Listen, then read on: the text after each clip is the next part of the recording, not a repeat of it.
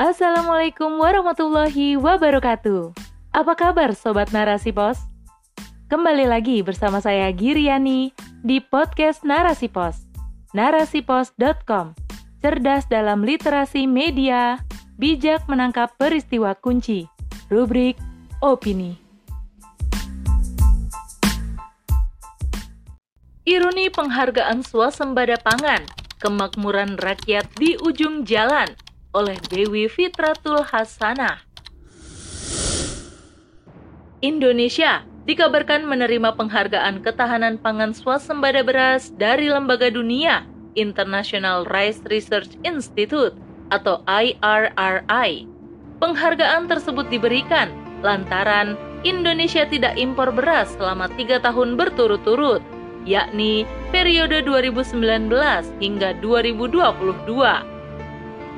Saya mengucapkan selamat bagi Indonesia atas keberhasilannya yang luar biasa besar dalam mencapai swasembada beras dan meningkatkan level ketahanan pangan, ucap Direktur IRRI kepada Jokowi.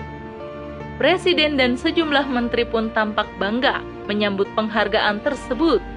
Dalam pidato hari ulang tahun ke-77 RI di Jakarta, Selasa 16 Agustus 2022, Jokowi pun memamerkan capaiannya dalam membangun infrastruktur penunjang pertanian selama tujuh tahun terakhir.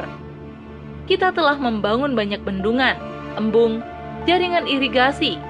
Seingat saya, sampai hari ini sudah diresmikan 29 bendungan besar dan tahun ini akan selesai lagi total 38 bendungan dan sampai 2024 akan kita selesaikan 61 bendungan plus 4.500 embung dan 1,1 juta jaringan irigasi. Jelas Jokowi. Lantas, bagaimanakah sebenarnya kita menanggapinya? Turut bahagia dan puaskah kita atas penghargaan swasembada beras tersebut? Rupanya, kita tak sebahagia presiden beserta jajarannya. Rasa aneh berkelindan dalam perasaan, keheranan pun berotasi dalam pikiran. Pertanyaan demi pertanyaan menyeruak apakah arti sebuah penghargaan dengan jumawa dipertontonkan jika mayoritas kehidupan rakyat dari tahun ke tahun masih diselimuti dengan berbagai kesulitan yang tak berkesudahan. Menteri Perdagangan Zulkifli Hasan atau Zulhas mengatakan bahwa saat ini kondisi petani Indonesia masih banyak yang berada di bawah garis kemiskinan saat memasuki musim panen, yakni awal tahun 2022 ini saja, petani justru banyak yang mengeluhkan pupuk bersubsidi. Jumlah pupuk bersubsidi yang tersedia di Gapoktan atau gabungan kelompok tani sangat terbatas dan tidak mencukupi kebutuhan para petani. Belum lagi syarat untuk mendapatkan pupuk yang sangat menyulitkan para petani. Walhasil, petani tak mendapat jatah dan terpaksa terseok-seok membeli pupuk non-subsidi dengan harga yang sangat mahal. Besar pasak daripada tiang, istilah yang tepat jika disematkan kepada para petani di negeri ini. Bagaimana tidak, modal yang dikeluarkan untuk pertanian tidak sebanding dengan perolehan yang didapat ketika panen. Inilah yang menimpa petani. Mereka sering kali tekor dan gigit jari Bahkan mereka terkadang masih terbelit utang ketika meminjam uang untuk modal menanam. Betapa kehidupan para petani di negeri ini sangat jauh dari kesejahteraan. Di satu sisi, memperoleh penghargaan swasembada beras, namun di sisi lain, bejibun problematika rakyat belum juga tuntas. Kita bisa merasakan harga kebutuhan pokok seperti minyak goreng, gula, tepung, gas, BBM, listrik, pendidikan, kesehatan, dan sebagainya makin dirasa mahal, bahkan terkadang sulit didapatkan. Penghargaan tersebut sejatinya tidak layak diberikan hanya diukur dari tiga tahun negeri ini tidak mengimpor beras. Terlebih itu hanya beras yang diperuntukkan untuk konsumsi. Sementara fakta di lapangan, impor beras swasta dan industri tetap dilakukan sebagaimana dikutip dari data Badan Pusat Statistik atau BPS bahwa Indonesia telah mengimpor 407.741 ton beras pada 2021 di mana nilai tersebut naik dari sebelumnya, yakni 356.286 ton pada 2020. Bahkan, dalam laporan terbaru yang dirilis USDA pada 29 Juni 2022, India jadi eksportir beras terbesar ke Indonesia di tahun 2021 dengan porsi beras mencapai 53 persen padahal di tahun 2020 hanya 3 persen.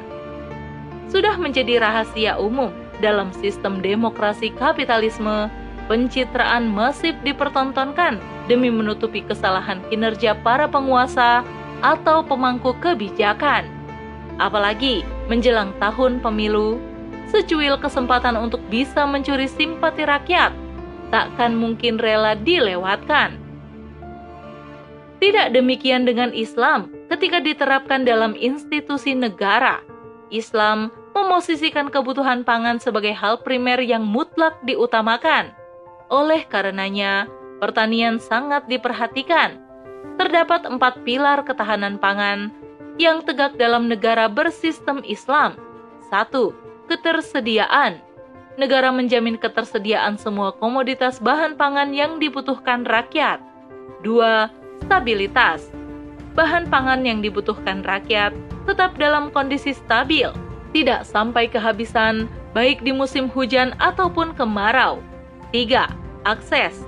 Rakyat tidak akan kesulitan menjangkau bahan pangan karena bahan pangan akan menyediakan fasilitas transportasi atau alat angkut serta yang mendistribusikan secara merata pada tiap daerah.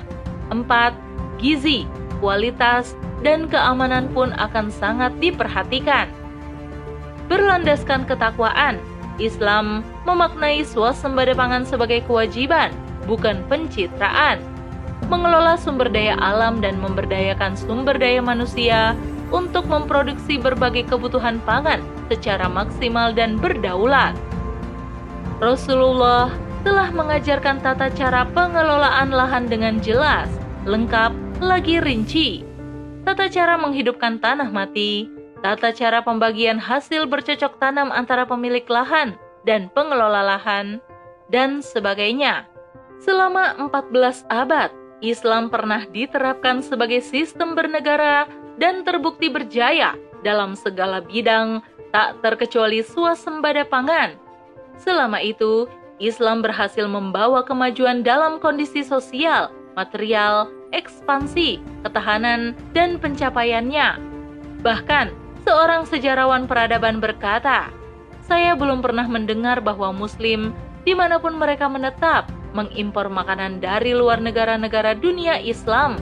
Umat Muslim juga menulis tentang properti tanah dan cara menghasilkan kompos, memperkenalkan perbaikan substansial dalam metode pembajakan, pertanian, dan irigasi. Ahmad Amin 1966. Demikianlah kesuksesan sebenarnya, kesuksesan yang tentu didapat bukan dari satu komoditas pangan saja, namun kesejahteraan dan kemakmuran dalam segala aspek dan dirasakan oleh seluruh umat. Kesuksesan dalam pemenuhan dan pengayoman segala hajat rakyat. Rasulullah Shallallahu Alaihi Wasallam bersabda, yang artinya imam atau khalifah itu laksana penggembala dan hanya dialah yang bertanggung jawab terhadap gembalaannya. Hadis riwayat Bukhari dan Muslim. Maka jelas, saat ini kita belumlah berbangga atas perolehan penghargaan. Sebab realitanya, rakyat masih banyak yang hidup miskin dan sengsara. Sungguh, yang kita perlukan adalah penerapan Islam dalam institusi negara. Niscaya, suasembada ketahanan pangan benar-benar terwujud nyata. Wallahu a'lam bishawab. Wassalamualaikum warahmatullahi wabarakatuh.